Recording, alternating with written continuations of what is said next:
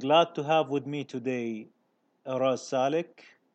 It's really my pleasure to have him here for a discussion. Hi, Aras. Hi, Fadel. Hi. Thank you for having me. Thank you for making the time and the opportunity to talk and discuss very interesting subjects. My pleasure, by all means, yes. So, we will start first with your biography. Sure. I um, I started uh, playing guitar at a at a very early age. Um, I was exposed through my uncle, uh, who became my first teacher. He started playing guitar, uh, and he continued that. And uh, I, I believe it was the same year that he started uh, taking guitar lessons. He actually started teaching me as well. So he would take lessons and he would come teach me every week as well. Mm-hmm. I was uh, I was I think it was at eight eight or 9 mm-hmm. and uh, and he he also knew a luthier in Tehran and uh, he uh, he made a guitar that was small. It was probably um, two thirds of a regular size, maybe half half the size of a regular guitar, mm. and it was you know so I could so I could start playing. I couldn't hold a regular size guitar. Um, so he made a smaller one. Mm. Um, in in countries like Turkey, you know, they have this jura saz, which is basically the small saz. It's something that they play regularly and they make regularly. But smaller size tar wasn't actually anything um, usual. There were not many of them. There were some um, made in the past, but there weren't really mm. many of them. So he was he was nice enough. He made me a toy and he started teaching me every week. And I studied with him quite a bit. I studied with him. Um, I played the the you know the elementary books, and then we moved on to even to some to some radifs. Mm. Um, um, so it was, yeah, it was. Um,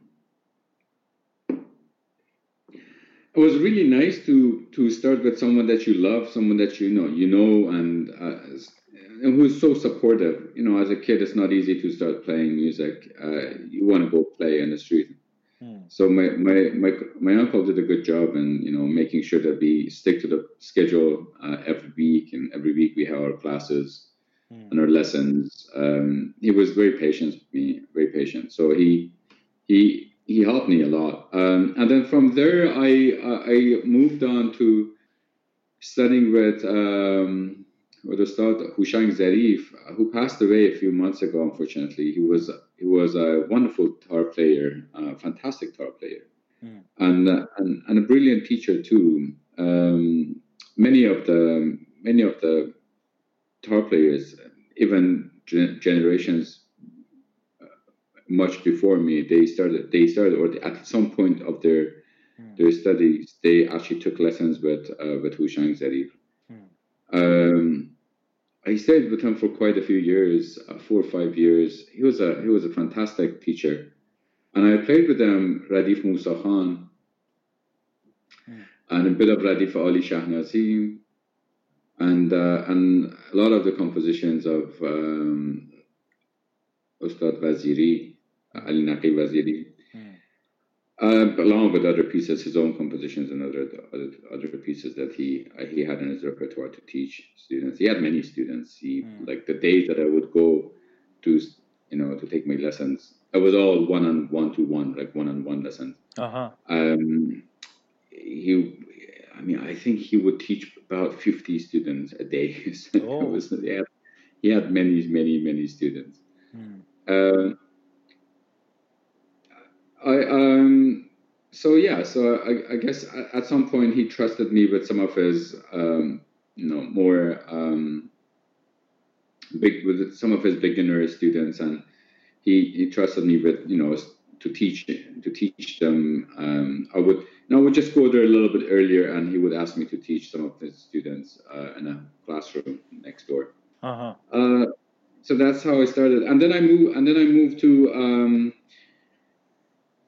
Arshad Mosabi, who I really consider my uh, my main teacher, the the one who really taught me the artistic merits of of uh, you know of, of the um, of the music that I play, and um, and he, he he was such a he he is a, he still is. Um, fortunately, he still is living. He's actually um, presenting workshops, and hopefully, at some day, he will present workshops at Labyrinth too.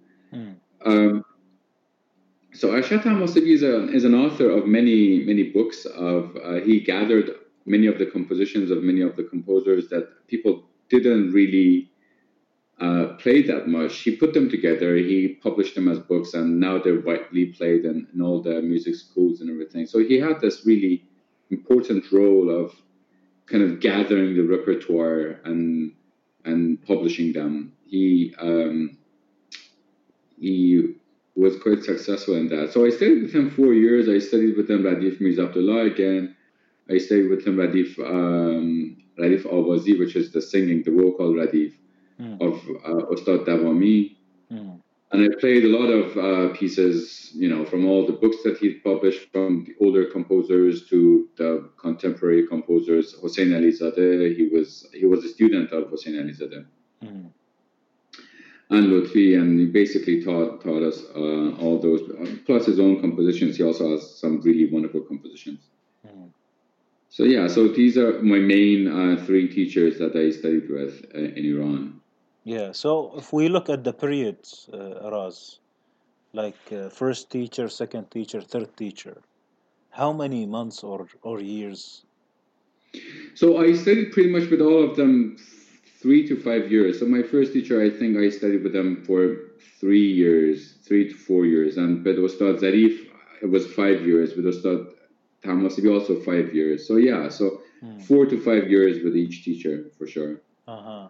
What do you mean when you say I started by playing the elementary books or yeah. Oh, there is there is um we have an art school uh, in Iran and they have books that you know you take when when you go you start playing and and those books are you know are designed for each instrument. So there are um, these books that are kind of um, introduction to playing tar, kind of a beginner's books that everyone I teach of them. You know, if I start teaching someone uh, a beginner, and everyone uh, uses those books. It's it's uh, like a standard books of the um, basics of the conservatory. Yeah, so like. Mm.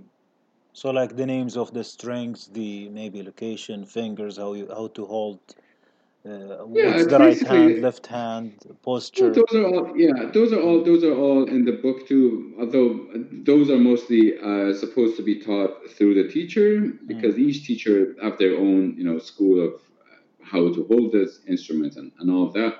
You know, it's, it's basically it starts with very simple pieces, you know, like do do do do so so so so do do so so do do do so do so do so do so right. So basically, like really simple, simple, you know uh, etudes for for students to start playing, you know, and then mm. moving on, it gets a little bit more advanced. But yeah. Mm. Yeah, but here I have a question of the selection of the later teachers or instructors. How did it happen? Mm-hmm. So your uncle is your uncle. my uncle is my uncle. So that was yes, exactly.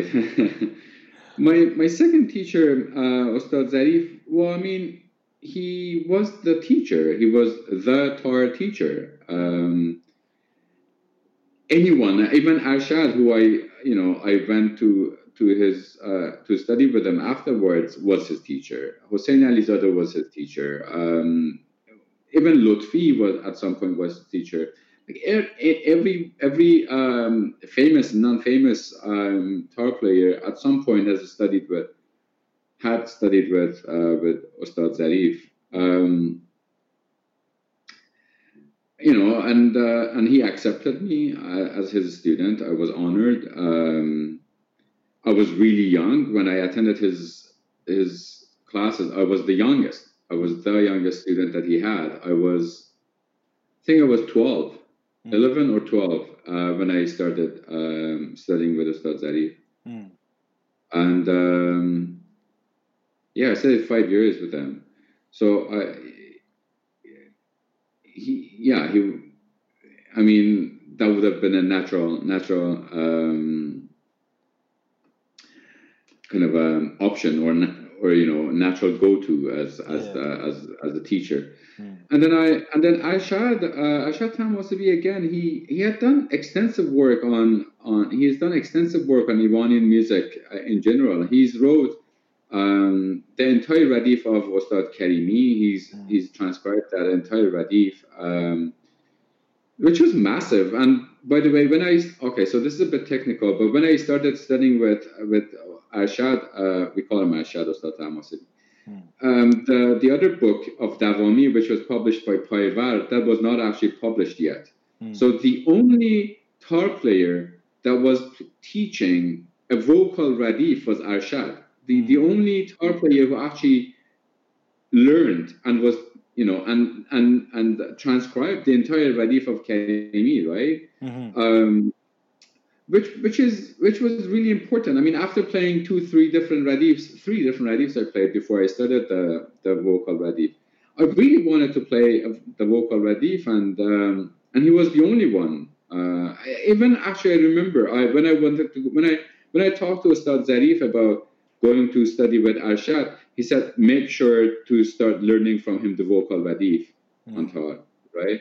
Oh. So it was a it was a significant thing. Even even Ustad Zarif he was not teaching the vocal radif. Even Ustad Zarif he I do remember that day. He said, "Oh yes, that's a great idea.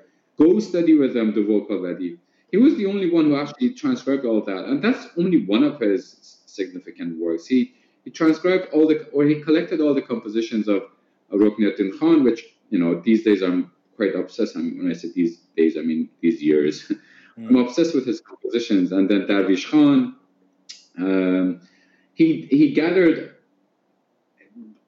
Well, I want to say all, but it probably can't be all. But a lot of the rangs, he gathered hundred rangs, uh, mm. which you know, basically like all the rangs that we play in our mm. in our uh, music repertoire. He also lately published another book uh, called the Book of Pish Daramads, like basically mm. all the Pish Daramads. And he's recently done this massive work, uh, which is basically an encyclopedia mm. to um, to Iranian music. Mm. He has created an encyclopedia. Well, here I have the book. It's uh, mm. it's a um, it's a massive book here, and um, I think it's a, it's about thousand pages. This is like a shahnama uh, of music now. Exactly. This is this is like the yeah. This is yeah. Seven hundred some pages.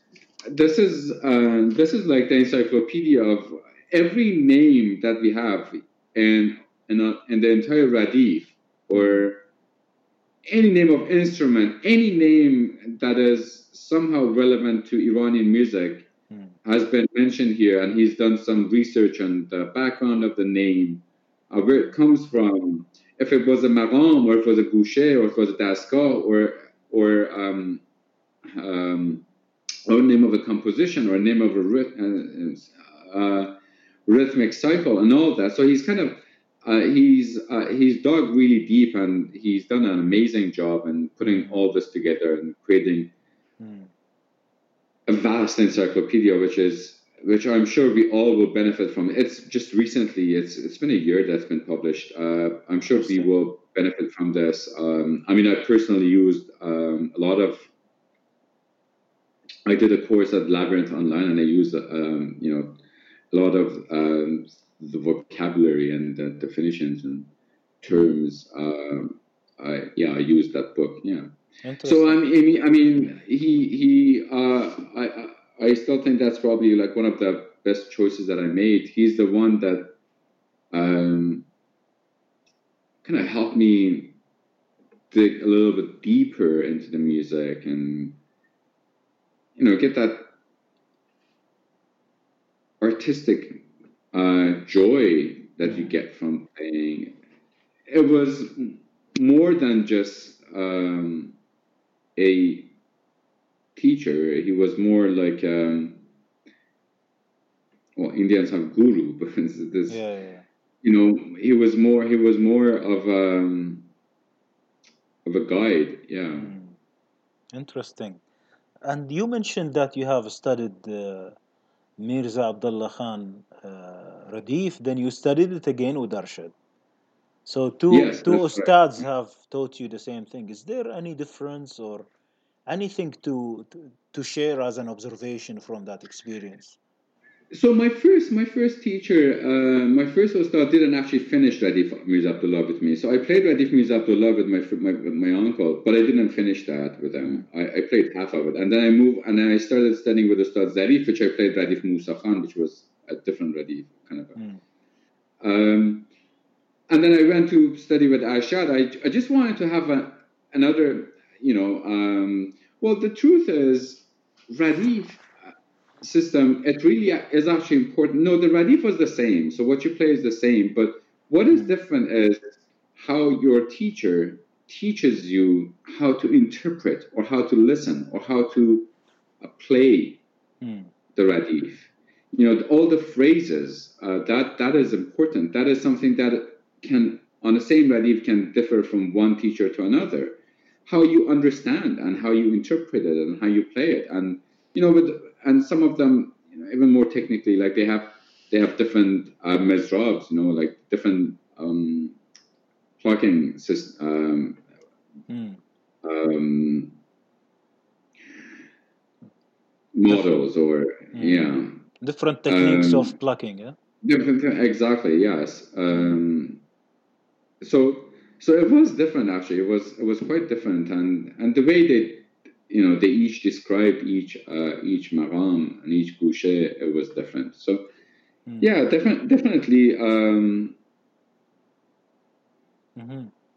Maybe it's good to to mention uh, the vast variety of of books or methods. Uh, while we are discussing this, I mean, it seems that you guys have a lot of method books and radifs and whatever elementary books, all in Persian language. Maybe no English version yes, of it. That is, that is, that is. um, I mean, radifs and books, they're all written in, uh, all the scores are in Western uh, notation, so it's mm. for anyone, it's usable. Um,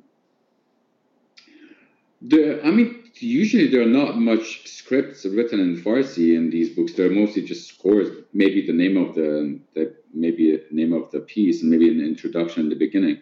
Mm. But you're right. I mean, we do have we do have all vari- different variety of radifs. Um, so in the past, it was, you know, you would become an ustad when you kind of have established your own radif. Uh, mm. So you know, take that into account. We have radif. Uh, Kasai has a radif. Saba has a radif. Hormozi has a radif. Um, um, I mean, all, all the big ustad, they had the Neydavood has a radif. Like they all had their own radif, which was slightly different um, from one from one teacher, or maybe more than slightly from one teacher to another. Mm. So it was important to, yes. Uh, and again, it depends. Like one one was a ney player, the other one was a kamancha player, the other one was a tar player, the other one was a santur player. So they each kind of developed their own radif that that suited the instrument that they were playing. Mm. And some of them are like multifaceted uh, masters, like Saba. So he's a violinist sure, yes, and yes. Uh, he plays nai. And he no, plays... I mean I'm sure he played nai too, but he's I, I don't have any recordings of him playing nai, nai but Saba plays violin uh, beautifully. Saba plays sitar. Yes. Uh, Saba played santur. Um, mm. So he he did play many. So in fact, um, yeah, Payvar was a student of Saba um, in, in Santur. So yes, Saba played many different instruments, and uh, he was a fantastic musician. I, I, also think, and one of the things that I'm actually really studying these days is Alif Saba, mm. uh, just because because it's written mostly for violin or the santur. It's not. Um, they don't teach the tar players, which I'm a tar player. Mm. But I'm actually stu- I started studying the Radif Saba, which is uh, written for Santur, and the beauty of that Radif is kind of a combination of vocal mm. and instrumental Radif. So it's uh, it's, it's really beautifully um, um, beautifully um, articulated uh, radif that that has both um, poetry in it, so you sing along, and you also has some really technically interesting pieces, Mm. uh, compositions in it, Mm.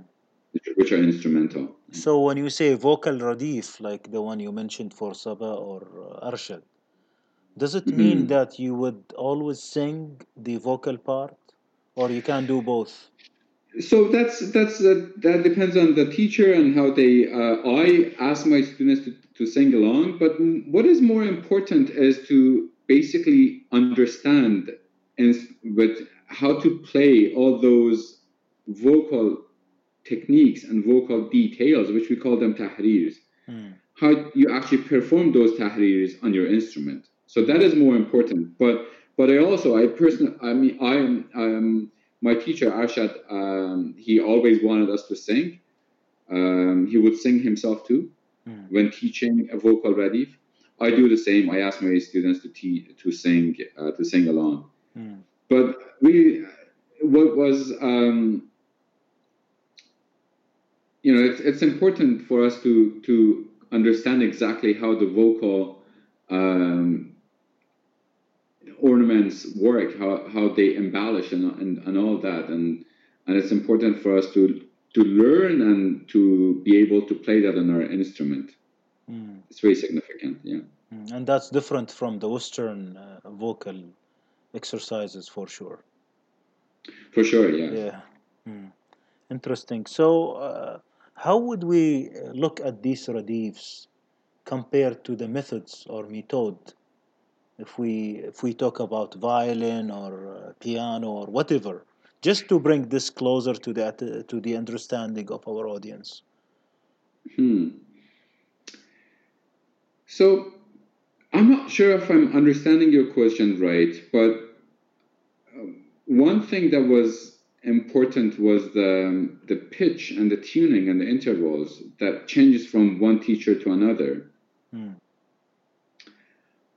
And the other thing that I mentioned uh, earlier is how you interpret uh, how you interpret a a specific uh, musical phrase. Mm.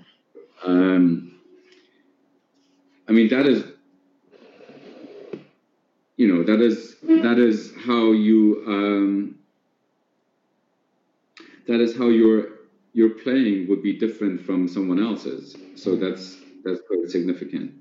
Mm. Um, I can give you an example. I mean, for example, Sure. if you take Suzuki method for violin, or uh, any other method that we use in, uh, in Russia or uh, or wherever for the Western violin, or for example, uh, Daoud uh, method for Muhyiddin Haider, Sharif Muhyiddin Haider, they do a progressive uh, exercises, etudes, uh, and then pieces, caprices, whatever, whether is it uh, Arabic or Eastern or Western, but it has uh, a progressive nature. mhm. And with every etude or with every exercise, we do have some skills that we attain as players. So we Mhm. master our instrument and we master the expression. Is it built the same way when we look at Radif? Um, no, I don't think so. Um, so Radif is something that is established already. So it's not it's not something that you develop. So I mean, it was um, it was quite usual in the past that they would start teaching Hmm. by Radif. So they would on the first lesson they would show you how to hold your instrument, and they they would immediately start teaching uh, the Radif. Uh, but that's not how they do mostly in Iran. I mean, there are still some teachers that choose to use that method. It's just that you start playing the Radif uh, from the beginning, Mhm. like the beginning. Yes. Um, but but that, that's not how it that's not how it starts. So most of the time, the teachers they try to prepare you so technically you're capable of playing all the details and ornamentations and embellishments and the the radif, and then they start introducing you to radif and they ask you to, to play radif. And the radif, no, the radif is not a progressive uh, method for for. Um, so the pedagogy for radif is not like you start with this maram, which is more simple, and then you move to the more complicated maram. That's not how it is. It's uh, the radif is the radif, and the marams are, um, you know, they're just played um, as as they are. It's not it's not a progressive. Uh, mm. Yeah, it's not a progressive method for um, for for training for teaching. It's um, at least I was not trained that way. Yeah, so uh, you are a teacher now, and uh, for sure you have students, and you have already experienced some of the masters in the past. What what is the approach to go for Radif? We don't go from beginning to end. Do we jump to whatever favorite piece by the master? He will pick this today. Maybe he picks something else from the end of the Radif. Uh, just want to understand the, the approach. Sure. Yeah, yeah. The approach is actually quite simple, um, but also very uh, very organized. So when you start playing Radif, you start you say, for instance, you start with with uh, one dastgah. Uh, you, you you know, um, depending on the teacher, you know, some choose to start with shur, some choose to start with mahur. It really doesn't matter, mm. I guess. Uh, you started you started at Dastgah, and depending on the on the radif that you're playing, I mean, whose radif are you playing? Playing yeah. Saba or Kasai or um, Or whoever who, whoever's radif you're playing, yeah. they actually the sequences are pretty um, pretty standard. Like the that dictates what is the first. Well, I mean, obviously the first maran would be Daramad Mm. What is the second one? What is the one after that? What is the one after that? And you keep playing. So depending on how well you can digest and learn, and you know how. So the teacher will teach you one or two or three marams, um, which were again like mm. the, the basically the they're well organized. The the um, they they are all in order. Um, and you kind of follow that order that is set by the person who's narrated the radif. Mm, interesting. And the Radifs, I don't want to go into history, but they, they do go back to a very early stage, maybe two centuries ago, like the first Radif? Or? Um, so not in the form that we know now. Uh, I'm not I'm not a scholar in that, um, but I believe the Radif in the form that we are playing it now, it's more developed around Qajar era. Hmm. Um, so you know 100 to 200 years ago uh, something like that but but again i'm i um, i don't consider myself a, a, scholar on that topic so uh, yeah mm. but it is really a very uh, impressive and effective method of uh, producing a massive number of uh, of musicians uh, vocals vocals wise or instrument wise it's very effective and I don't know if this is still being built by the new masters, or mm-hmm. maybe whatever we have is enough. I don't know. well, I don't know of anyone else who's working on um, introducing a new Radif, mm-hmm. um, which is unfortunate, but I don't think anyone is doing that. I guess the reality is a lot of these Radifs were not discovered and they're being discovered just recently, lately, and mm. and people are starting to work more uh, on those. Like I said, I mean, Radif Saba was something that were not was not um, was not taught a lot, and uh, and you know, I myself think, well, I've been lacking if I've not studied that Radif. Um, and and I, definitely feel the urge to to study Radif, that Radif. So there are many Radifs, and for, I mean, Kasai has this extensive Radif, and uh, so does Bahari, and just you know, there's just so many Radifs that I, I think people are kind of um, mm. dedicated more their time into learning them than creating one. Um, yeah, I mean, enough repertoire mm. was already there. Uh, maybe we, we cover every instrument uh, every let's say authentic instrument so far in terms of radif yes yeah i, I think i think that in every instrument there is a radif that is kind of uh, narrated by the by the hmm. by virtuoso or by, by by yeah, yes, I, th- I think that's the case. Yes. Mm. So how how will a student feel, or maybe start progressing or improving while studying a radif or studying with a master? So so radif is really so radif is really um, just there for us to understand how the modal system of our music works. Mm. It's a it's a pretty complex system, and it's a pretty um, massive one. Uh, but but regardless, I mean, if you keep playing the radif, then you're not really creating anything interesting. Probably, I mean, it could be interesting, but um, you're definitely not creating um, anything new. That's for sure. Mm.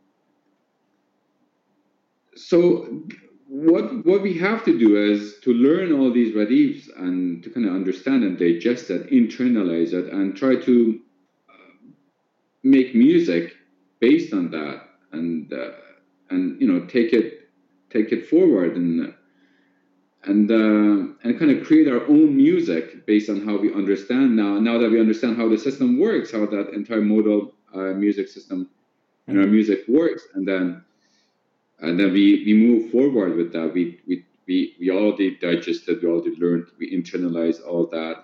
And it's time to move on. Um, and when when I mean my teacher was like that, uh, Arshad was in particular. Um, when he was teaching me, say Radif, um, you know, in Radif Davami, when he was teaching me a um, a he would always kind of combine different compositions uh, from different composers. You know, if we were playing, if we were playing, uh, you know, a maqam, say Hosseini, he would he would definitely teach me something, uh, you know, a, a tasnif or um, or, or a reng or um, or pish daramad in, in that maqam. Mm. So kind of combine, kind of have this, you know, um, this more. Um, just not not not just radif you know because you do need Mm. other compositions to be able to play other compositions to be able to create music and make music so Mm. yeah i, th- I think it's important radif, radif is an extremely important element in our music but it's also important not to get stuck in it which you can easily do Mm. so i mean you can easily get stuck in radif it's it's Yes. massive it, it's Mm. it's uh, and and everyone know of know of the importance of it but for that you have to be it's it's a dangerous one. You have to be careful. I not not to get stuck in in in radif yeah. Maybe that's part of the responsibility of the master to teach the students to not to be stuck in a radif, right? well that that that, that depends on you know from teacher to teacher. Some mm. teachers actually they do insist that you know that this is the true the pure form of music and this is what you have to be playing and which i think is not healthy um i yeah i definitely disagree. I mean i i i like the fact that they're trying to preserve something but Mm. preserving something uh, doesn't necessarily mean creating something new from that. So it's Mm. just it could be a bit of a, um, a dilemma there right? Hmm yes, in fact. Uh, so, uh, how do you receive a feedback in such setup of one to one, or I don't know if there is any kind of group work in the uh, teaching process? I didn't. Uh, I mean, growing up, I never attended any group uh, lessons. I only had one-to-one lessons from my Mm. teachers with my teachers, and that's that's the only. I mean, they would do workshops, and that's different. You know, you, on a specific topic, you do a workshop. Mm. But um, but all the music lessons that I took, and I, I I saw that you know my teachers were teaching. There was all one-on-one. Mm. And how do you get a feedback? For example, oh, you have done well, or fix this, or you need to work on that. I mean, Yeah, that's exactly you said it exactly like that. That would be like, okay, well, good job. I mean, but you have to practice on this part a little bit more, or not good, go play the same thing again for next week. You know, it's just it's entirely on the discretion of the teacher, right? mm.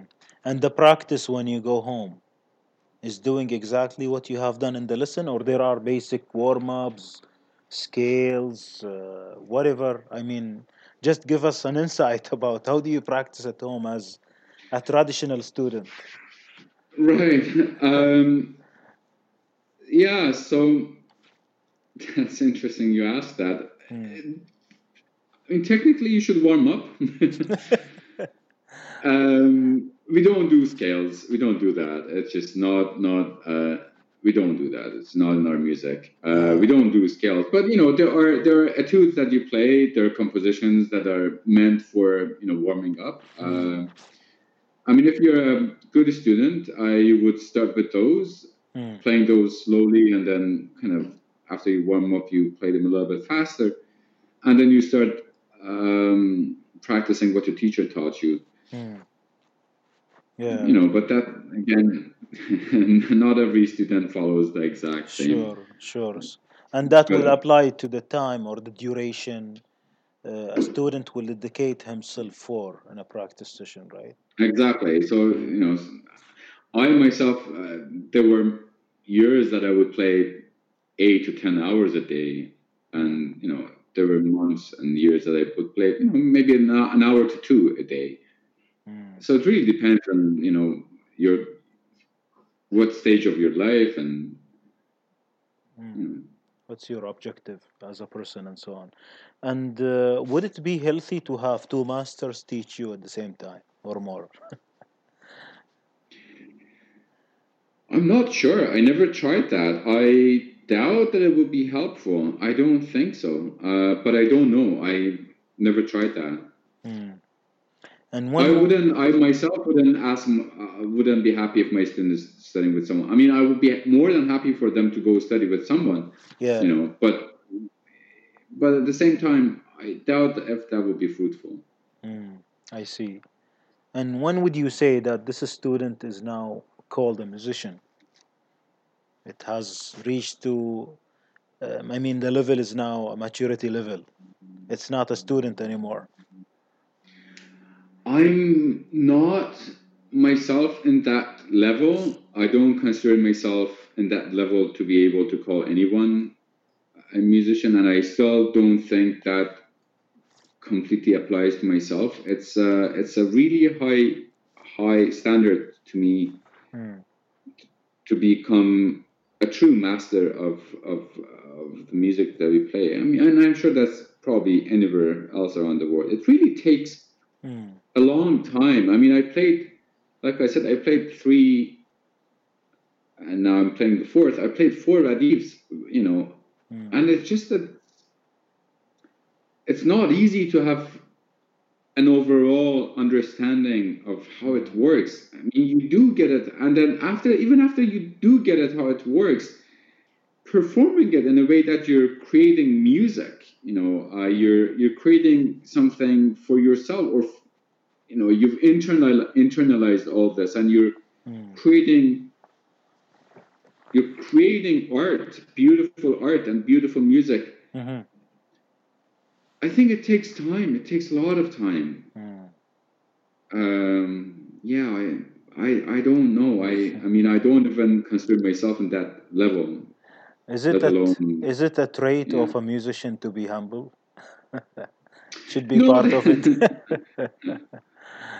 yes. no, but but I mean, you you get the sense, you know, from all the. I mean, when when an ustad in the past would would release a radif under their own name, they probably were at their fifties or sixties, right? Mm, It just it takes so much time to mm. establish something, and then, anyways, I um, see. I I don't. I, I didn't mean just to be humble. I I just I genuinely think that's Yeah, thank you very yeah. much for that.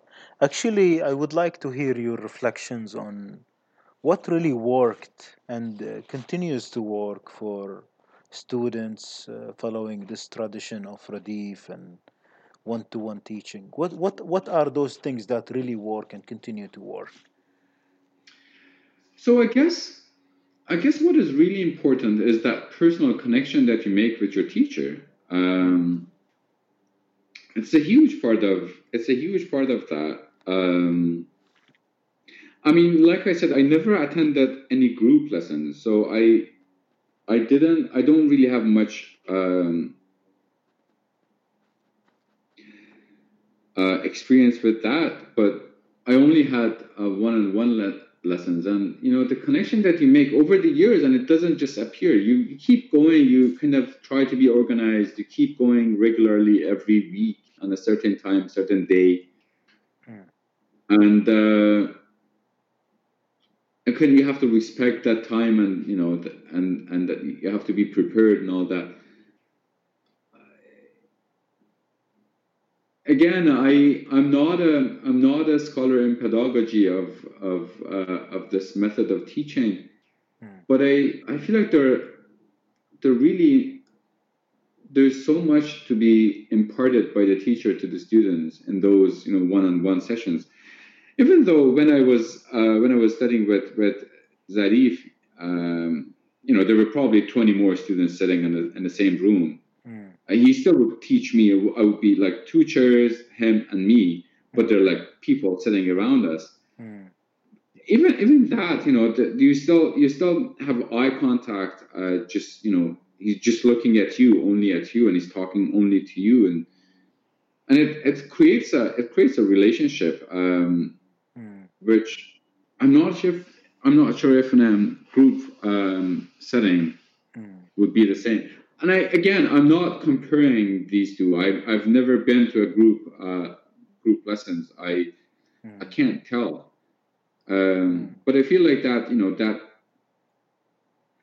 I mean, okay, so so in case of Arshad, uh, you know, he he was such a significant teacher for me. He he would start. Um, I mean, he he would schedule his students every forty minutes or forty five minutes, mm. like that, mm. and he would um, he would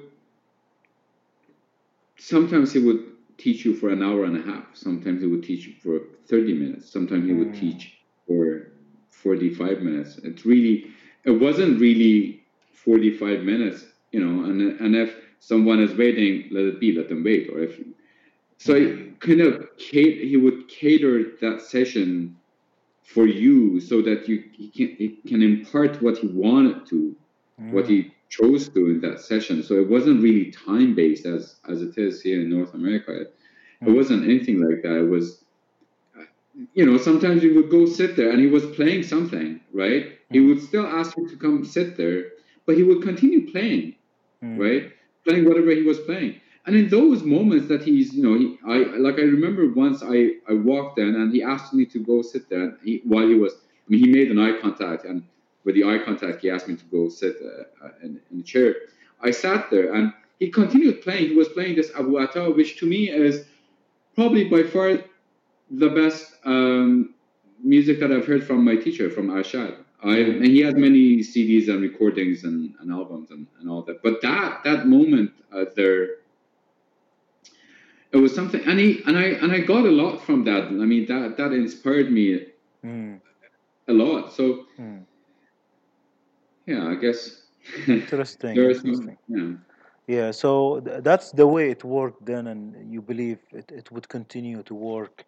And uh, the, the relevant question is uh, for the new youth. Did, did they start changing this method today in Iran? I don't think so. I think uh, youth are still studying with mostly on one-on-one um, basis. I'm pretty sure that is uh, what is being mostly practiced. I know, uh, first, I know from my teach my my friends. Uh, mm. My uncle, the, the one who was my first teacher, he runs a music school and he has many students and he, he teaches one on one. My close friends in Iran, um, you know, all my friends are musicians and they all run, uh, one of them actually, two of them, they run a music school and it's all one on one. I'm sure there are, you know, to make it more affordable, there are probably other group uh, lesson options, but I believe it works best if it's in a one to one format. Yeah. Are there cases? I know for sure that there are some people who love the Western music or classical uh, European music, and maybe they would study there uh, outside or maybe inside with the complete from the beginning Western uh, style, right? But is there a group who would combine both, who would say, okay, I will pick the violin and maybe adopt some of the method into the uh, Persian music? Is there a combination of both today? Or uh, Well, I guess that's what it is supposed to be. I mean, violin is a fantastic uh, instrument, but if we take violin and play it the way that they play in Western world, uh, it wouldn't work in our music. It just simply would, won't work. And so, so the the sound the sample that you brought is actually a really interesting one because if you listen to Persian violin, which mm, was played really widely just before the revolution, after the revolution, it was kind of going back to the um, you know values, our own traditions and values. mm, They played less and less of the violin. Then they played more Kamanche. mm, But even before that, uh, Bahari, um, you know, the greatest um, Kamanche virtuoso, which I actually uh, the, one of the recordings that I, I've had here is mm, Bahari with Adi. Uh, he plays violin in many of the recordings. He plays violin rather than Kamanche. uh-huh.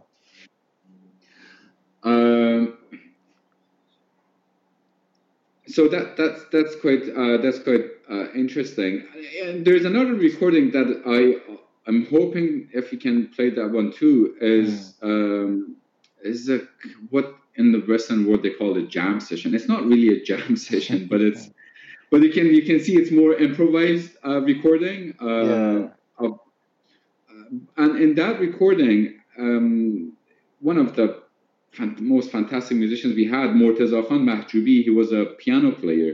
Mm, Morteza Khan, he actually tunes his piano mm-hmm, to to Iranian music intervals and to Iranian to, to the pitches that we play. So mm-hmm, he, he tunes the in the, the piano to, to all the korons and quarter tones and all that, uh, which is really significant. And, and then you, you listen to it. So I mean, to what extent he's he studied Western music, I'm not sure. But I know that he what he did on piano and what he played on piano, tuned piano, is just fabulous, fantastic, beautiful. It's it's really beautiful, and you don't really think it's a Western element. You think like, mm, okay, well, it's it's a, it's this really amazing sounding uh, instrument that works really well with our music as well. mm. Interesting. Yeah, I, I don't want to go deep into, uh, you know, things like the many tunings for a violin, for example, they they use to make the music more uh, more into a local one, right? Uh, There are a lot of things that people do uh, to make their music reflect the best on on these instruments and. Uh, like Persian music, they have really made great efforts in the tuning uh, for uh, for the violin, right? For uh, the double sounds or double stops that are really relevant to the Persian music and so on, like what we hear in hmm Saba and his students. But that's really interesting uh, what you have said. Yeah. Now, is this culture uh, have been carried uh, with the immigrants when, like, we talk about yourself or any other who were outside in Canada or whatever country, and they continue to teach this uh, culture and this music. hmm Well, there there are many uh, great musicians, fortunately or unfortunately, who've immigrated, Mm, um, and you know, a lot of um, you know, a lot a lot of um, master musicians like Pedram Khavarzamini, for instance. He lives here in Toronto. Uh, mm, um, there are there are a lot of musicians who who've, uh, who've immigrated. Um, and they teach um, all of them. Uh, they all teach, and um, mm, I guess well, they teach what they know, right? Which mm, is Iranian music, that's for sure. But mm, yeah. So they carry the same culture, right? They carry the same culture. they they do they do, but there's always this, you know, Hmm. the what is um, what is a trend that I see, and I and I think it's a significant trend, and it's um, a bit of an unfortunate one, is. You know when you immigrate, or even if you don't immigrate, now now it doesn't really matter because of the social media and the Hmm. the fact that all of us we feel hugely um, that we need to have a presence in social media Hmm. we all think it's something that is expected of us you know Mm. the more followers the better musician you know, Yeah. you know that that and we all know it's not true but the, the, unfortunately the notion exists and it has been um, hmm kind of accepted to some degree uh, among well among audience for sure and even among musicians i mean we all are trying to get more followers or i, I don't even know how it works but Mm. you know You are right. but but it's it's, Hmm. it's just it, so that that I, I feel like that is um, played a bit of a destructive role in how you uh, conduct your your pedagogical uh, methods. How do you teach? How do you train your students? Hmm. The truth is, you know, playing more exciting music or more ecstatic, ecstatic or more, you know, um,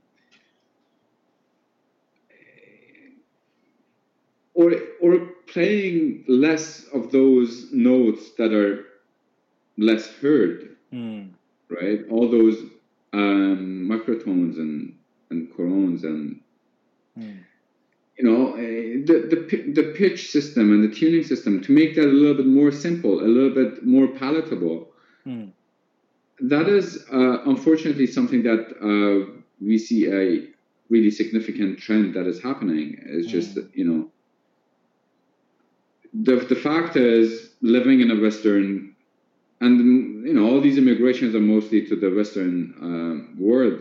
You know it, it's costly to live here, and you need Hmm. to survive. You need more students and more students and more students and more concerts and Hmm. and you know, for that you you have to accommodate Hmm. and accom- accommodating here Hmm. can mean anything from you know playing lighter songs playing lighter music and Mm. playing more palatable more no- nostalgic you know Mm. uh, something that people connect right away something that people have heard Yeah. and and even in, on on um, on the more uh, technic technically uh, speaking levels, you know the the the, the pitch system, the tuning, and all those. You try to compromise. You try to make it easier for people, more exciting. And I, I've seen I've, seen advertisement that you know this teacher uh, was saying, well, yes, Iranian music doesn't have to be serious. It can be fun. Come here, come to my Oh. classes. Let's have fun. And it's if if not everyone is kind of saying it loud, but it's unfortunately it is the attitude that is mostly being um, advertised. It's you know it's just try to make it more fun for people to join, and you know. And, Sell. yeah, so and I understand the necessity of it, but I I'm not sure if um, it's all constructive. Hmm. I see your point. And in terms of uh, teaching, are there any adaptations, for example, in terms of uh, timely slots, for example, uh, that we have one hour for one-to-one lessons, maybe the introduction of group lessons, uh, maybe we have uh, all sorts of people coming to your lessons, not those that are born Persian. So maybe a Mhm. Canadian, an Arab, an Indian guy is interested in Persian music and he would like to join you. So in this Sure. case, there are radifs, there are all sorts of things that you would uh, choose, right? Is there an Mhm. impact of that in your in your choices or other other instructors outside? Well, I um, I myself try to um, I mean, here's the thing: if even if you're Persian born, um, you're not necessarily develop the ear um, for a radif. So for to be able to play the radif and to be able to play all those tahrirs and those intervals and, and all that, you need to develop an ear for that. Mm-hmm. And you need to spend some time, you know, just listening and listening mm-hmm. and playing maybe some uh, more simple compositions, but you know, compositions that do manifest um, those tahrirs and and, uh, and those intervals. So you, you, you know you you you kind of want to guide them, keep them in the loop, but help them to listen more um, rather than overwhelm them with all this huge repertoire and just dump it on them, right? Mm. Mm-hmm. But so maybe there are some adaptations or maybe introduction of new systems or new thought method, new pedagogy, right? Sure. Yeah. Uh, I mean, I think that it's it's not an established method that uh, we can you know discuss here, but it's I think that really depends on the teachers um, and teacher um, mostly. Yeah. Uh, this is a very lovely discussion, Araz. Think sure. uh, let's let's have some deep dive into the experience of Radif, which you covered uh, mostly. But I would like to to tell me about those that you have studied, and maybe give some introduction and comparison between them. Sure. I mean, Radif, I say Radif uh, Mirza Abdullah, Radif Davami, Radif Ali Shahnazi, and Radif um, Musa Khan. Hmm. Um, so Radif, Radif, Radif Mirza Abdullah is the one that is, you know, is uh, most common um, most of the Iranian musicians, students, and teachers, that's what they teach. They teach the Radif Mirza Hmm. It's an instrumental Radif. It's um, it's a nice one. It's a, to me, it's it's a bit too instrumental in the sense that it's um, it has a lot of elements that don't necessarily reflect what that maqam or that gouche does to the dastgah. You know, you see, the thing is, uh, we have we have one dastgah which is basically the the main maqam, mm. and then we have gouches, different gouche, uh, which any, each of these gouches, some of them, they actually change the modu- the the they mod they modulate, they mm. change the modulate the, the, the the mode of the of the of the maqam uh, of yeah. the main maqam or main dastgah. Some of them don't. Some of them are just compositions. You know, just a you know, it, it's just a, another way of um, articulating that maqam, you know, mm. or, or, composition on the same maqam. And, you know, mm. it doesn't really change the maqam, where some of them are just rhythmic patterns. Mm.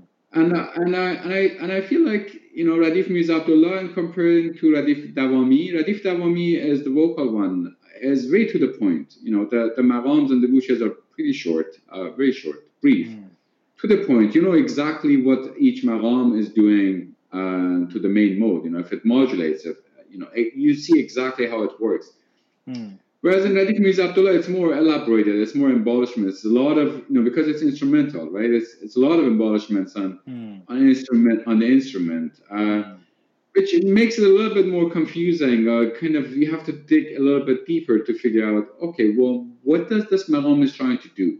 to the main maqam? Like, how does this modulate from the main maqam? Or what is exactly happening there? Um, so for that, I and, and Radif, uh, Radif Ali uh, Shahnazi, kind of similar to Radif Mirza Abdullah in the sense that it's an instrumental Radif. Um, mm. It has lots of compositions in it, you know, uh, rhythmic uh, compositions, mm-hmm.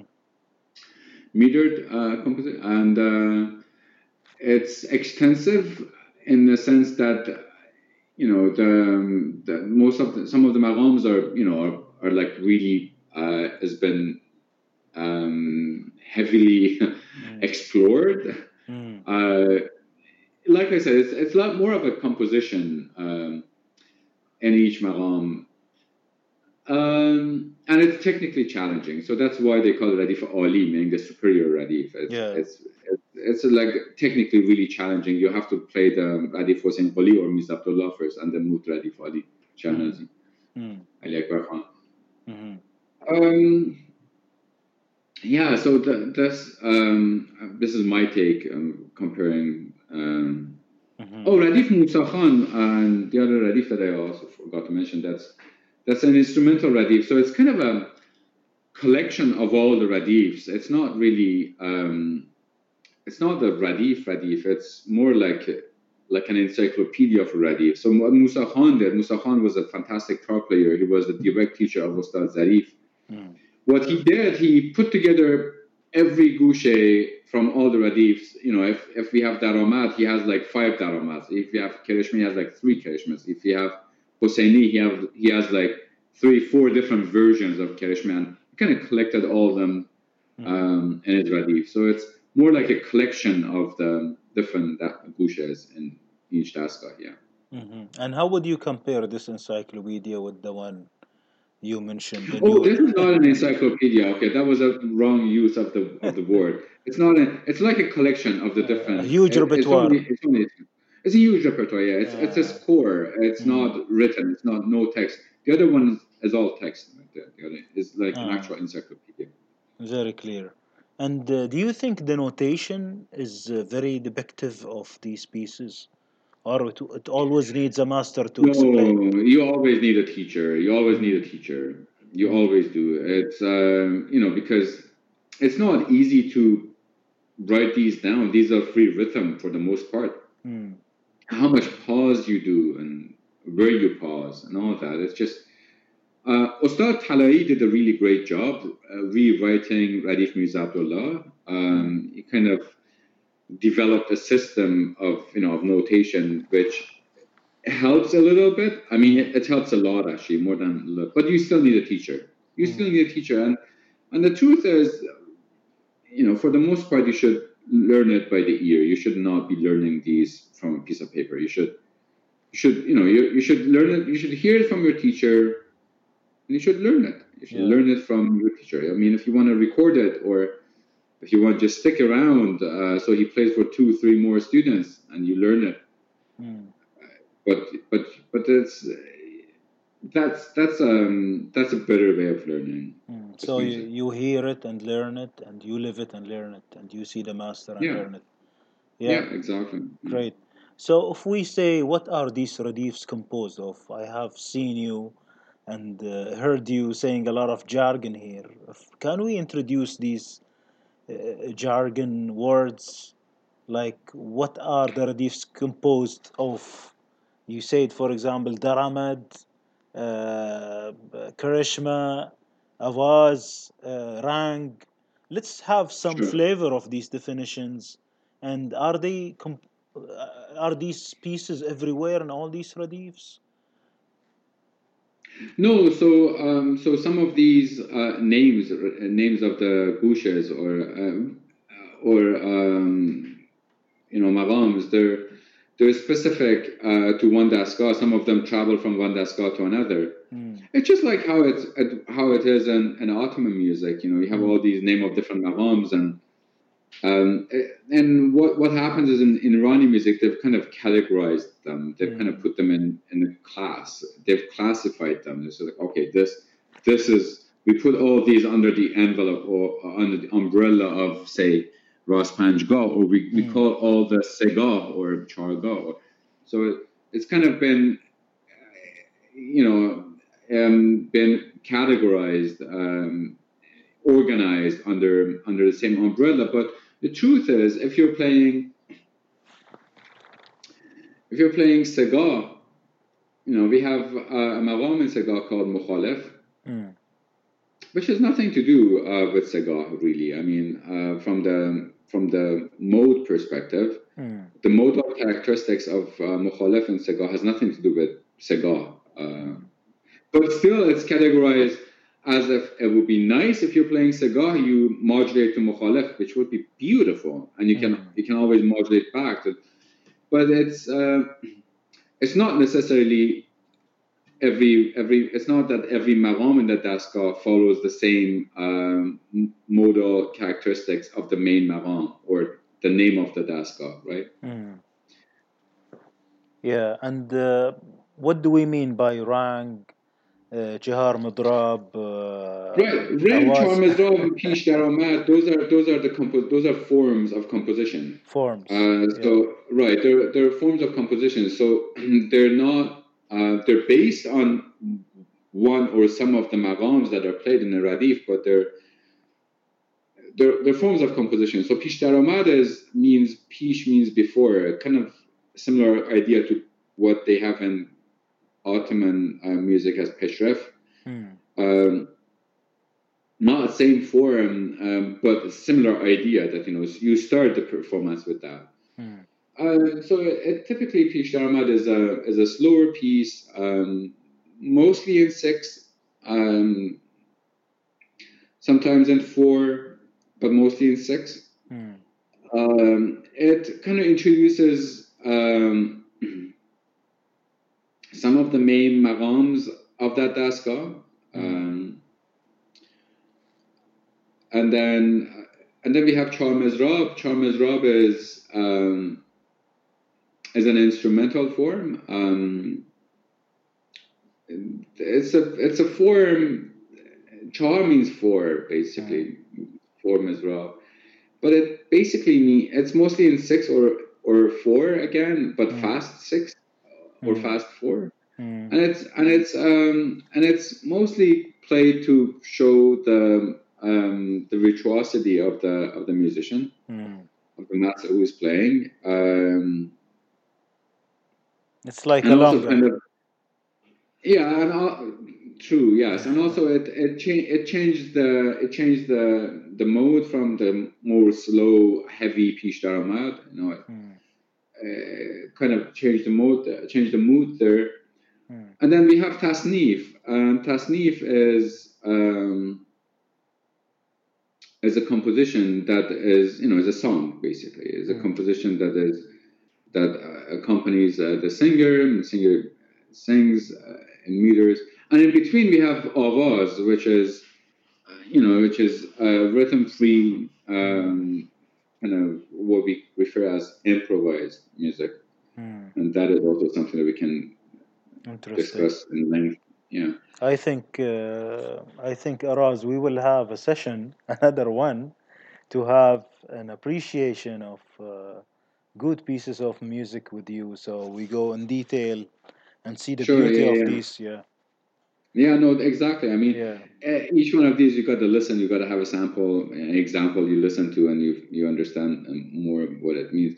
And reng is typically the piece that you know a, a, a, performance is end ended with. Uh, it's a shorter piece. It's uh, pretty much always, except for some really rare um, exceptions, always in a, in a six eight. Um,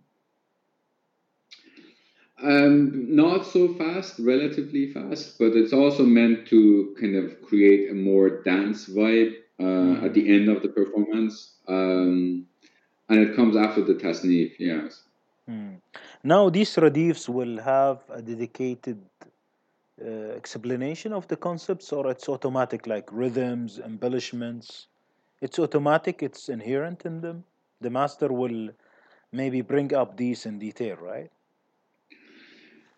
So the radif has nothing to do with the compositions, right? right? So the radif, the radif is the radif is what you learn and what you teach um, to understand the music. But when you're performing, you're kind of start with pish daramad, which are compositions, are, are not necessary. You don't you don't start playing the radif. Hmm. Um, the embellishments and and all the ornaments and everything, it really depends on the radif that you're playing. Um, and the teacher that teaches you, uh, like to what extent they emphasize on on the tahrir, and and again, it depends if you're playing vocal radif or or instrumental radif. In instrumental radif, it's more you try to technically challenge the student, and in vocal radif, you're trying to you know it's more ornated. It's more you know you're trying to you're trying to copy vocal uh, performance. So it's more ornated, more detailed, you know, like smaller movements. Uh, you're trying to copy, you know, it's just, hmm yeah, it's it's like more more details in it. Hmm. Interesting.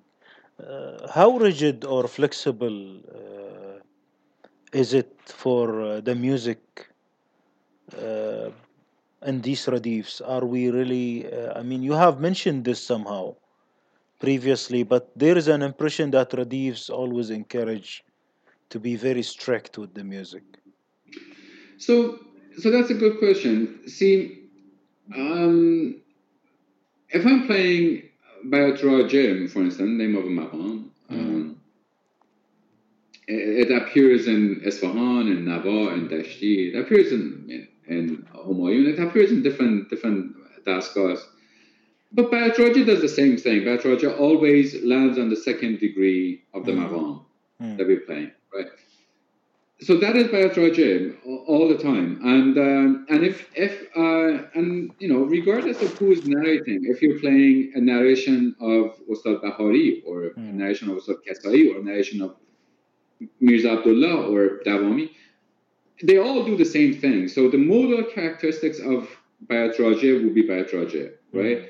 It's the it's the articulation that is different it's, mm. or the composition or the phrase the musical phrase you know? mm. um, so we have we have um, I mean we don't but I wish we had uh, you know in, in Turkish in Turkish music they have this concept of sayir mm. that you know is a really short uh, melodic pattern that um, or me- me- phrase, musical phrase that indicates what a maqam does and Mm. And I was talking to Ross uh, lately and, and, recently, and he said that he's composed a lot of uh, uh, you know, during the pandemics. Mm. So, you know, I mean, anyone can compose a sayyir. And so that's basically the idea. The idea is you can compose a sayyir for Bayat Rajeh, and mm. that will be your Bayat Rajeh. Or you mm. can just play the one from, you know, Bahari or, um, mm. or Muzir, right? Yeah, yeah, interesting. Now, if you look at these radifs going from an old to a modern one, do you think Mm. music is showing a change of character? You know, the language, as you always have described the relationship between music and uh, natural language. Yeah, It yes, yes. evolves, you know, it, it changes. Do you Mm. see this happening to the Persian music?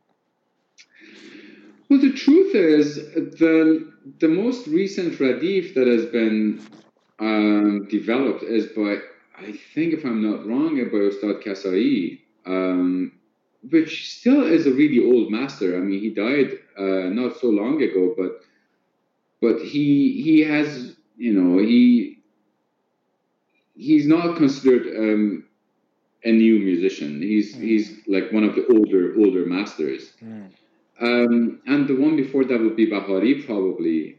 Um, they just I, I feel like they all resemble pretty much the same um, same characteristics of what you expect of of Radif to be. mm, Um, I don't think they've changed drastically in that sense, just mm, because they're more they're you know they're more recent to um, Al- Davami or or um, or Mirza Abdullah. I feel like their uh, their radifs are pretty consistent, um, you know, and I don't see a significant change. mm. And I'm trying to think, but I don't think there's any other radif that is developed after these masters. But I might be wrong. How about the music outside the radifs? Is it changing and evolving? Oh, the music outside the radif is changing drastically, you know. Uh, and Mm, again, we go back to uh, these recent years, uh, in mm, particular, you know, the, the, the social media thing. I, I mm, feel I, I keep talking about that, and I will keep talking about that because I think it's a it's really significant the role that the social media is uh, is playing in changing these.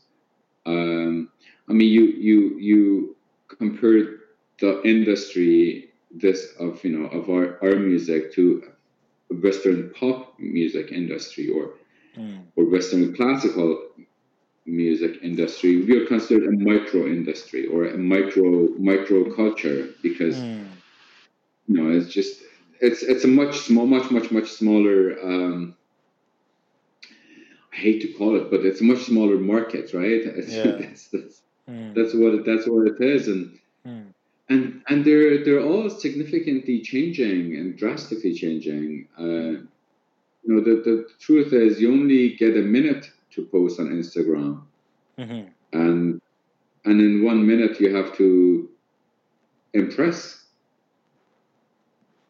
Our music doesn't work that way. It takes us a few minutes to just establish what we want to say. Mm-hmm. mean, it, it, it takes time just to say, okay, well, I want to play a little bit of, um, you know, um, Hesar. I want to play Hesar. It takes time for me to establish that, you know, to, Mm. and so and and one of the recordings that I actually chose today, it's uh, it's from my most favorite singer Adib Khansari and and Mm. Bahari. It's a duet. It's a private recording, um, and Adib recorded that in his home. Mm. Uh, he, he he actually talks about it. He says, "I recorded this after I was sick for 20 days." Mm. And Adib plays for 16 minutes. He play, he sings, and with Bahari, along with Bahari, and they only play two maqams, only two, only two Mm. really similar maqams, Mm. only Bidad and only Bakhtiyari. Mm. And uh, and he sings five verses of uh, Hafiz poetry in Bidad, Mm. which is really significant. Every verse, although it's it's recited in Bidad, but every verse is different, recited differently, sang differently. Mm. It's quite extraordinary. Mm. And and I and I feel like that is something that is being missed these days. You know, just because there is no time. There, you don't you don't get that luxury of you know having someone listening to you for 30 minutes or, or you only have a minute Mm. and then what you can do in a minute time I see. know i guess uh, it's firefighter or no fire fireworks that's what that's what you can do right yes, but how how do you compare, let's say, the music of the fifties, uh, let's say twenties, thirties, seventies, nineties, before, let's say, before the internet? Did it evolve or change? And like, just give a flavor of, of the evolution, if there is any. Mhm. Well, I mean, a- again, it's a topic that I don't consider myself a scholar on on that. Uh, but I guess the recording and radio they had a huge uh, impact. If you if you res- listen to pre-radio era, you know, all the recordings on the on the gram, uh, and they're you know they're all tend to be really fast, played really fast, just because you only had three four minutes, you know, Yes. and you, or seven minutes. Uh, you you you got you gotta you gotta say what you want to say really quick and really fast. So it's it's you know it's that, that style of playing that, that is you know played really sure. That's one impact. and, and then right so and then and then we have the we have the radio era and the you know and recording era of you know that you don't have the limits of time and things all get stretched and stretched and stretched uh, in a in a in a way that Mm.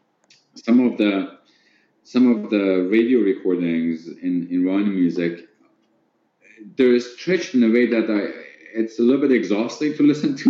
Mm. Just that they, they had Mm. all the time in the world and they were getting paid and and all that. So they Yeah. just they just took their time and you know they just they just kept playing and playing and playing. Hmm. So, Araz, uh, regarding the term mugam or maqam, is it used in the uh, concept of dastgah? Or you just use it for us to understand the concepts?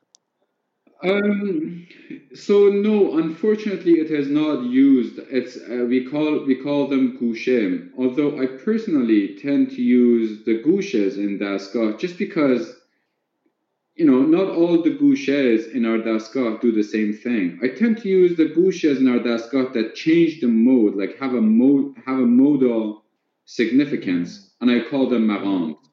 Um, and I do that because I, I, I feel like you know not it, it, we should we should we should distinguish the significance of a gushe that um, has a modal significance to one that really does not. Is just a composition. It's just composition in another gushe. Uh, interesting. Uh, now that we covered uh, a good uh, portion of discussion about Radif, maybe we take another uh, interview uh, in detail about this with you. uh, let's go and hit some uh, quick discussions.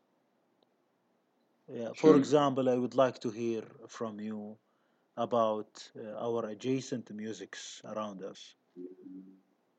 I hmm mean, uh, I'm sure you are studying them and it's maybe in a good position to uh, compare and see uh, the way we study them, practice them, you know, the Ottoman, Arabic, Azeri, etc.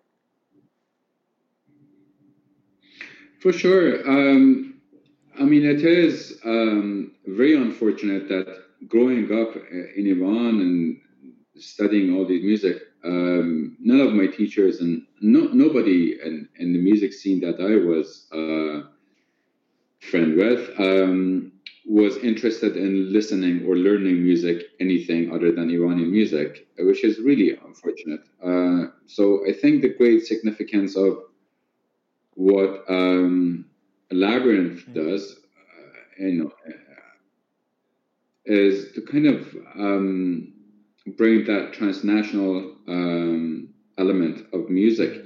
I mean, all these musics are heavily connected. Uh, they're deeply uh, connected. Uh, they, they all have roots in, in the same concept for music. Um, yet, the musicians from each one of these traditions, um, for the most part, they're not aware of what's happening in the other part, other side of the border. Um, which really didn't exist that many years ago. I mean, all those borders are quite recent um, developments. Um, I, for myself, I, I, I um, I've told this before too. I, I for myself, really understood the Radif. Uh, I think the best when I actually encountered the Makam system in Turkish music um, and how that works and how they compose based on that system. It gave me a lot, uh, a deeper, uh, a more um, thorough understanding of of our own Radif. Um, it all made more sense, you know, after I, I got to know more about and learn more about. mm, And it's and it's very unfortunate, you know. I mean, um, I mean, we all can benefit from learning um, each other's music heavily, and that's unfortunate that we uh, are not connected uh, and we don't listen and we don't learn.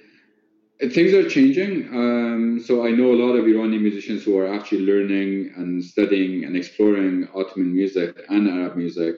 mm, Insane. Um, but that wasn't the case 10 years ago but that that is changing that is that is drastically changing and i'm really glad i mean i i i, I, I hear some really interesting uh, projects happening in iran mm, people are exploring that that world um, let it be afghan rabab or mm. Or um, you know a, a turkish tambour or a turkish kamancha yeah Yeah, interesting. And wouldn't it be uh, better that uh, a musician start in one language in the beginning? If we talk about language and music as a knowledge. mm. I, th- I think so for Yeah. sure no I, I I totally agree with you but i feel like these are all kind of uh, dialects of the same language, if I may say. mm, I don't think I don't think we're we're speaking different language.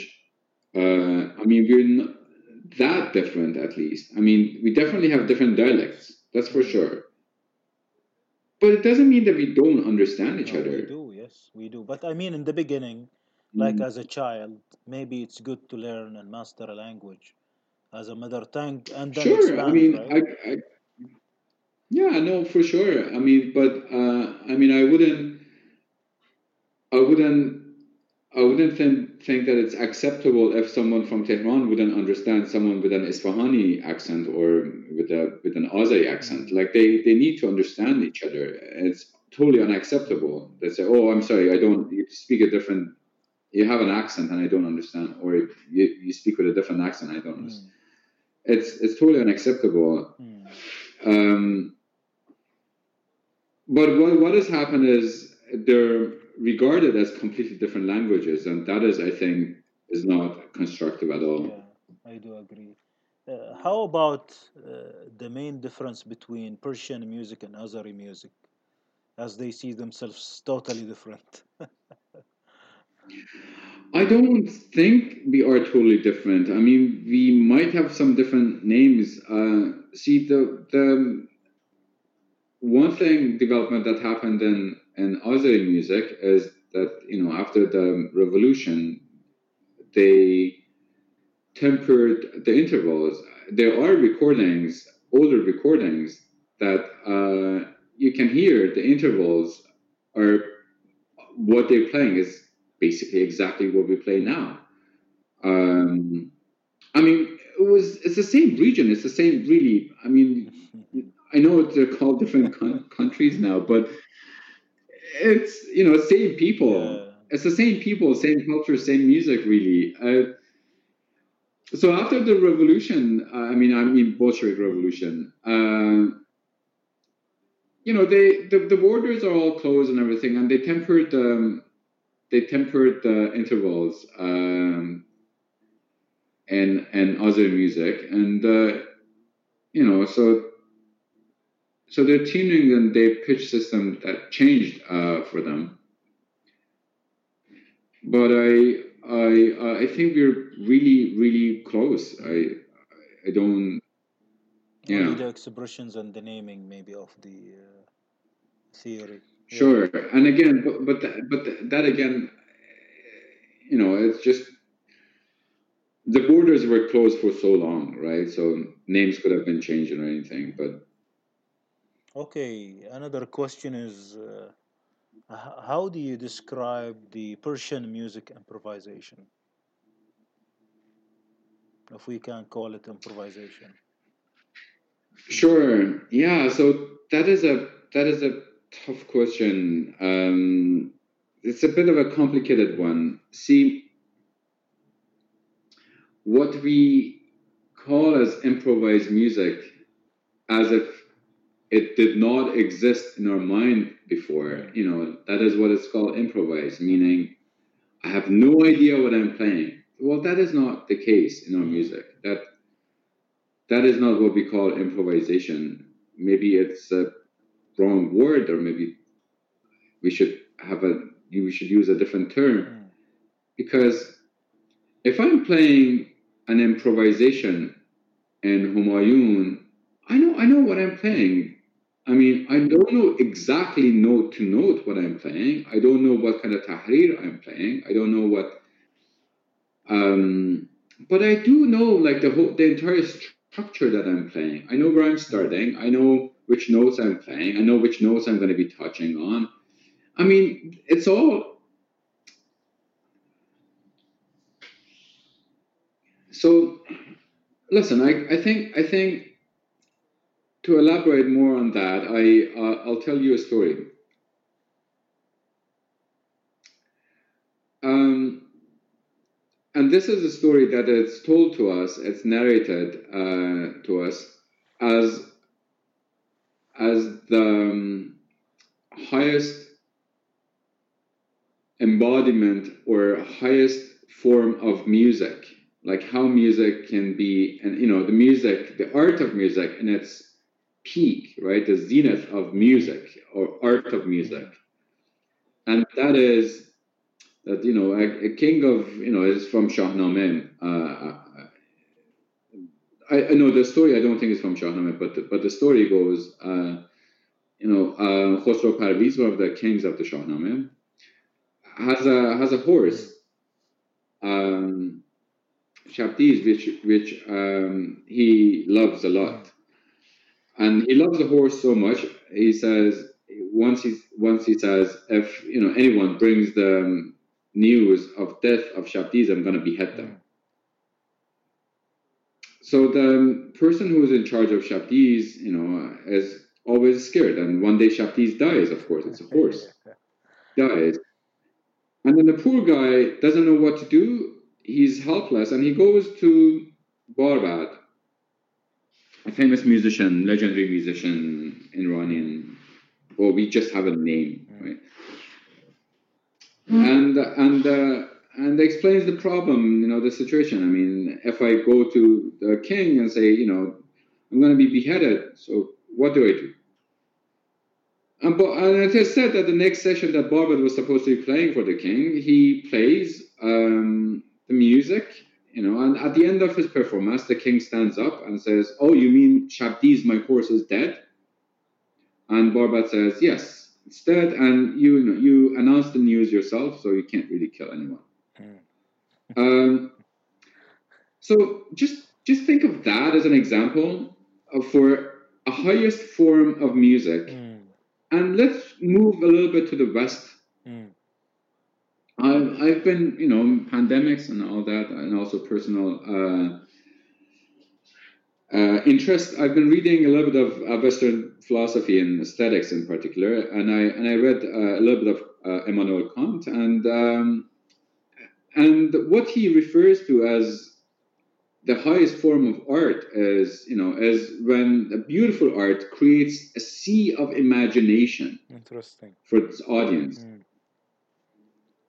Which is what we understand, you know. Um, this is also true. I mean, a lot of the it, what what you see in improvised music is, you know, is as improvised, as abstract, as as sea of imagination, mm. right? It creates this all but then you compare that to the story that I just told you, which the whole purpose mm. of music was to actually give that particular message to the king. Yes. Rather than having a sea of imagination, create rather than creating a sea of imagination for the king, the purpose was to just give a simple message to the mm. king that your horse is dead, yes. right? I mean that of course is symbolic and all that, but but I guess my point is the aesthetics of, of our music is not necessarily the same as as you know as as as Western music, and and the same. I the, like the notion of improvised music is a little bit of a complicated one. I mean, we we improvise, uh, but and I and I say we improvise, but uh, what we do as improvise is not expected or it's not for for our audience mm. is not heard in content mm. but they already know but it is heard in idea like they already know that what we're going to be playing they already know that we're going to i'm playing Homayoun so that that idea that structure that that whole um, you know me- medium that is all well established mm and I kind of explore more contents in that structure, in that you know established medium. Hmm, interesting. That's very interesting, uh, Araz. I mean, if, if we would like to advise some listeners who have no encounter of Persian music, what would you advise sure. them to start with? Oh, That's a tough music, a tough question. Um,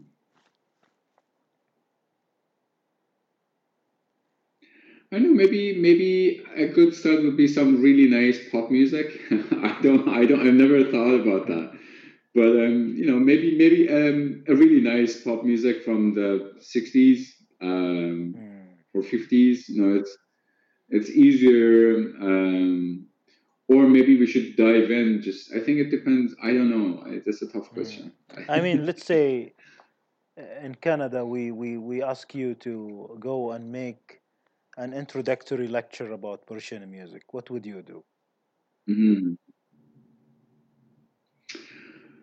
well i'll certainly talk but um like I said, I have not thought about it. Um, do you do you recommend, for example, to put some pieces to listen to and give some appreciation? Sure. Yeah. Yeah. Yeah. How about books? Are books a good way of introducing uh, the Persian music? Well, there not, I don't think there are many books written. Uh, I mean, there are, but not many on on Iranian music uh, in English. Just a couple or three that I can think yeah. of. I mean, there, I'm sure there are many articles and all that, but books, um, I don't, and they're probably done by ethnomusicologists, and they're not easy to read, and you need a lot of. Uh, but if someone has never encountered Iranian music, yeah, playing music um, definitely. But I, th- I thought your question would be more like, what kind of music would you play for them? Yeah. So I was that's that's what I was saying, maybe maybe um, a good pop from the '60s or '50s. Yeah. Are there uh, any documentaries worth mentioning that are good to to start with, like uh, interviews with masters, or maybe about their lives, or certain kind of music? I will have to dig more into that. I don't. Um, nothing. Um, nothing comes to my mind right now as we speak, Mm. but I'm sure there are some. Um, hopefully, yeah. Yes. What about the uh, phenomena of the young uh, players that are now pumping in Iran? I see a lot of Yeah, a lot of uh, young musicians, uh, instrument players that are showing in Instagram, Facebook, everywhere. Yeah, so uh, I guess uh, despite what people think of Iran, you know, music, the music being haram, and um, despite that, the, the truth is, no, actually, the the music schools are pretty active in Iran, and they teach a lot of. Uh, they, they've trained a lot of uh, amazing instrumentalists and vocalists Mm. both.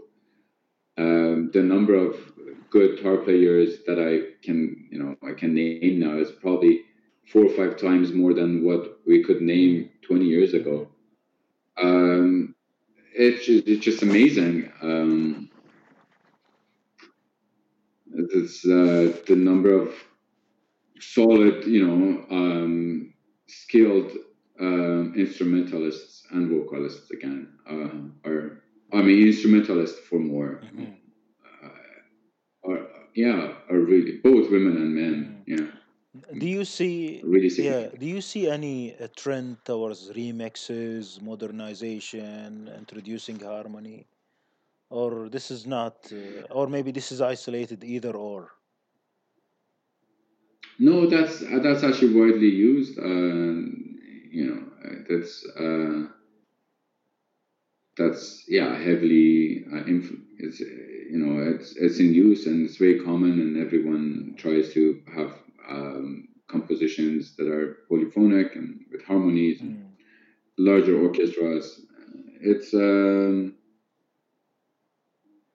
yeah, It's it's trendy um, nowadays. it's trendy. That's that's Mm. true. Yeah. We have more uh, of this in the Arab world, much more, and started long time back. now they realize uh, that there was something wrong happening, so some people have pulled out. But let's see the other side of it. Uh, the idea of going back to the roots. hmm I mean, that's a double-sided blade, right? So you have to be really careful with that. I mean, going back to the roots are um,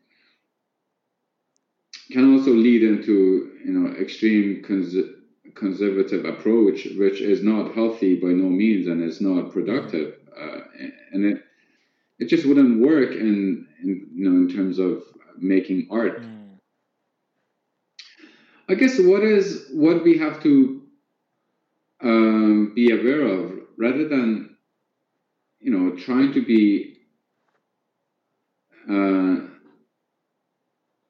a dogmatic artist here and trying to just go back and dig into our roots and only our roots is to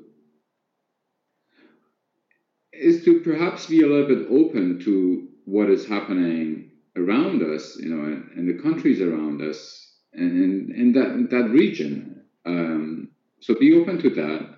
Um, because when you say roots, you know, that that's a really complicated thing. I mean, roots to when? Roots to what? Roots to what time? Which century? Roots to which area? What region? I mean, that region is so mixed and the borders have changed constantly. So really, mm, kind of a nationalistic approach here is definitely not helpful. Uh, but but I, I guess what what uh, what we have to be aware more of is you know this significant uh, presence of social media and also Western world, like music from the West. Um, just like you said, I mean, it's it's glamorous, mm. right? Huge orchestras, huge opera halls, you know, um, big sound, really, it's glamorous, and that that that you know that is um, dazzling for someone, you know, just whereas in our music, it's just small ensemble, two, three musicians in the singer. you know, that's. Yeah that's it, and you know, it's a small small gathering. I guess I guess we should just be careful on how we're presenting our music, um, and if the way we're presenting the music, if it fits uh, the music, if it uh, does the purpose, if it shows the the beauties, and you know, I don't think Iranian music or any music from that world is meant to be performed at 20,000 or even 2,000 concert hall. Like, you know, 500, 400, I think that's the maximum, really. Um, and, I, and I think the optimum would be like 200. Uh, but that, but that's that's that's my personal preference. But but I feel like you know, all this uh, glamorous presentation, that can be a little bit deceiving and it can be a little bit uh, influencing.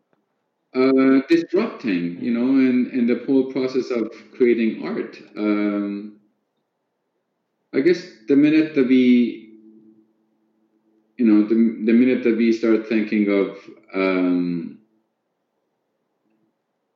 how many more followers or how many more fans like that that's the that's where we kind of deviate from making good music and good art. Interesting what are you working on now nowadays Araz in terms of projects priorities plans so I am in the process of recording a, duet uh, with Pedram Khavarzamini, which I'm very honored um, to do that. and that is to be released in Iran. Um, I'm also uh, I'm also working on a on a different project, um, which is kind of an an interpretation or a translation, or not really, um, you know, just just introducing uh, um, some of compositions of Ross Daly um, by Tar and again with Pedram kind of a duet uh, to to Iranians, and you know, just I'm uh, I'm working on preparing um, a, a, collection of that. I think I think the huge significance of what uh, Ross has done um, and his you know musically is is that really transnational understanding of music and making of music. It's you know you, you listen to his music, you you don't really necessarily have to pin to one point on the on the map and say, oh, this is this is yeah. It's it's kind of um, it's kind of all beyond that. It's a bit above that. It's uh, it's just you know you've you've digested the, the music uh, of you know of that area. You've learned it, you've absorbed it, and now you're making something that sounds something I mean, beautiful, but also from that entire region. So it's really transnational in that sense. I like this transnational expression, really, of it. yes, uh, and and I think that is something that I I feel like a lot of musicians in Iran uh, can benefit uh, vastly. Uh, the way the way he works with the with the with the modes and with maqams and the way he modulates from one, one maqam to another and and the rhythmic patterns of some of his uh, compositions just just phenomenal. Yeah, so I'm I'm working on that also. Um, I I'm I'm also as you you, you know I'm I'm the artistic director of Labyrinth here in Ontario, so we are kind of a sister branch, mm. uh, branch uh, satellite Yeah. uh, of of Labyrinth, um, which uh, things are a little bit slow on that end because of the COVID situation. Uh, what we do yearly is to have workshops and bring musicians to Toronto that they present uh, workshops, and um, and unfortunately that's a little bit on a slow side now. I'm really interested to talk about Labyrinth, Ontario in detail, compared to the uh, headquarters in terms of activities before and after COVID, online courses, workshops, the music scene around it actually in Ontario. Right. So what what we I mean, it's it's our it's only our third year this year, in which unfortunately our season got cancelled because of the COVID. But what we've done in the last three years is to present concerts and workshops, um, and we've been a little bit uh, careful of what we're presenting as um, you know because there is this a bit uh, of an ambiguous term here called world music. Um, and we're trying to be a little bit careful uh, on you know what we're presenting and how we're presenting and um, and, and also we've uh, you know we've uh, we've uh, um, we presented uh, really good uh, masters and teachers like Moradi, Alekbar Muradi, and Imamyar Hasanov from Azerbaijan, and, and Ross and Kelly and um, and Pedram um, Khavarzamini. Mhm. Uh, and we and we've had we've we brought in uh, musicians, uh, you know, uh, a really good rubab player from New York and a a- Afghan- Afghani rubab player, uh, Qureshi Roya, and uh, and we again we're we're quite young, uh, but we are trying to create a culture uh, and a community around these musical traditions um, that people can you know can enjoy can listen can go to concerts can take workshops and and and also really what we're trying to do is to keep the um, the concerts accessible. Um, we we do these concerts um, uh, and we try to keep the um, ticket price really really uh, low for everyone to be able to uh, to attend. And really the whole idea is to help people develop the taste. I mean just like you said how how would you introduce them to iranian music i guess they just need to be exposed. Like i mean i think they just need to you know in a concert setting like in, in any any possible setting um, they just need to be exposed. They just need to um, to be able to attend these uh, events. Yeah, and these events are of the main flavors of the modern music, like you have described about the different masters, different musics. Uh, did you do any online courses recently? I did as part of Labyrinth Online. Um, Labyrinth Ontario has joined forces with Labyrinth and all the Labyrinths, and we are now we are offering all our workshops uh, on Labyrinth Online, um, which is uh, led by our dear friend uh, in San Francisco, uh, Mm. Mina. Mina. And um, um, Yeah, so so what we did, uh, we we were supposed to have a series of concerts that were supposed to be happening in in Toronto Mm. parks, different parks, different concerts in different Mm. parks. And we couldn't we couldn't have any concerts because of the COVID situation. So what we did, we we took the artists. So we did the concerts, but it was basically with no audience. Mm. Uh, it was just a video recording, and we are actually going to start releasing those videos as of tomorrow. It should Mm. be October third, on November third. Interesting. Looking forward to it, really. Yes. You guys are doing great Thank job you. here in, in the headquarters, Thank you. and uh, we do some greetings now to Rose, really, for all this uh, beautiful uh, activities. For sure. Yeah, for sure. Yes, yes, for sure. Uh, Araz, I think we are enjoying this discussion. Let's conclude uh, this interview with some sort of music selection and appreciation of your taste. What would you choose? Sure. Um, so I, um, because you asked, um, I actually included two um, tracks of, of my uh, solo album. It's called Birth. The album is called. Birth. It's the first track and the last track that I actually uh, uploaded here. Um, it, it, it's it's performed in Dashti. The first track is um, kind of a sort of a daramad. Um, kind of uh, getting the audience engaged in the whole um, mode of Dashti. and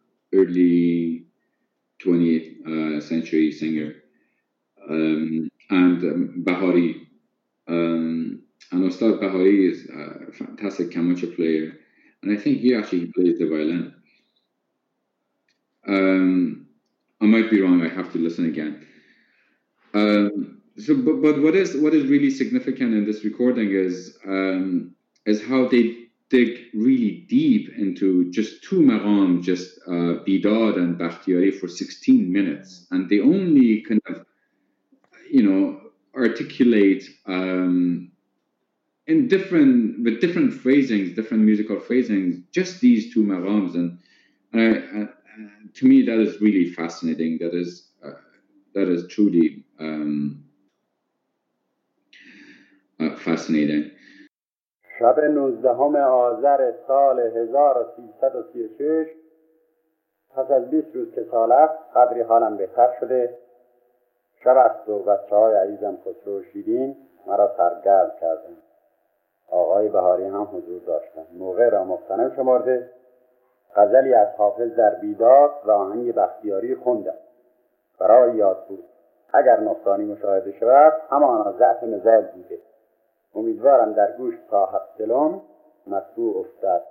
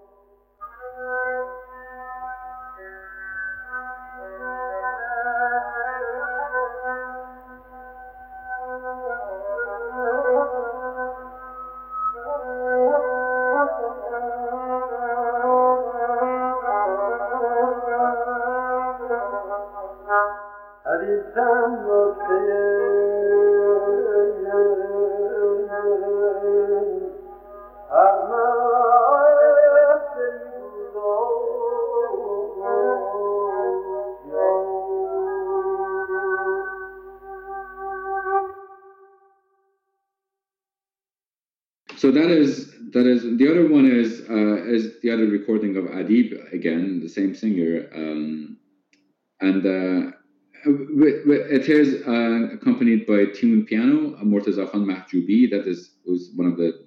There are more players, but he's the more significant one.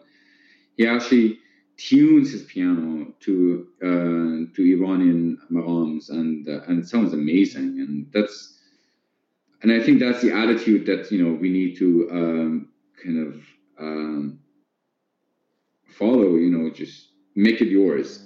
Um, use the instrument, but make it sound like it's yours. That's that's important. I think for that reason, I really like that recording. And it is accompanied by Varzande. I'm, for, I'm sure about Varzande. I'm not too sure about the tar player. I think the tar player is either Arslan Dargahi or or um, Ibrahim Sarhosh. I'm not sure. Um, and um, and um, and the violin player again, I'm not sure. I think it's Reza Mahjoubi. Interesting.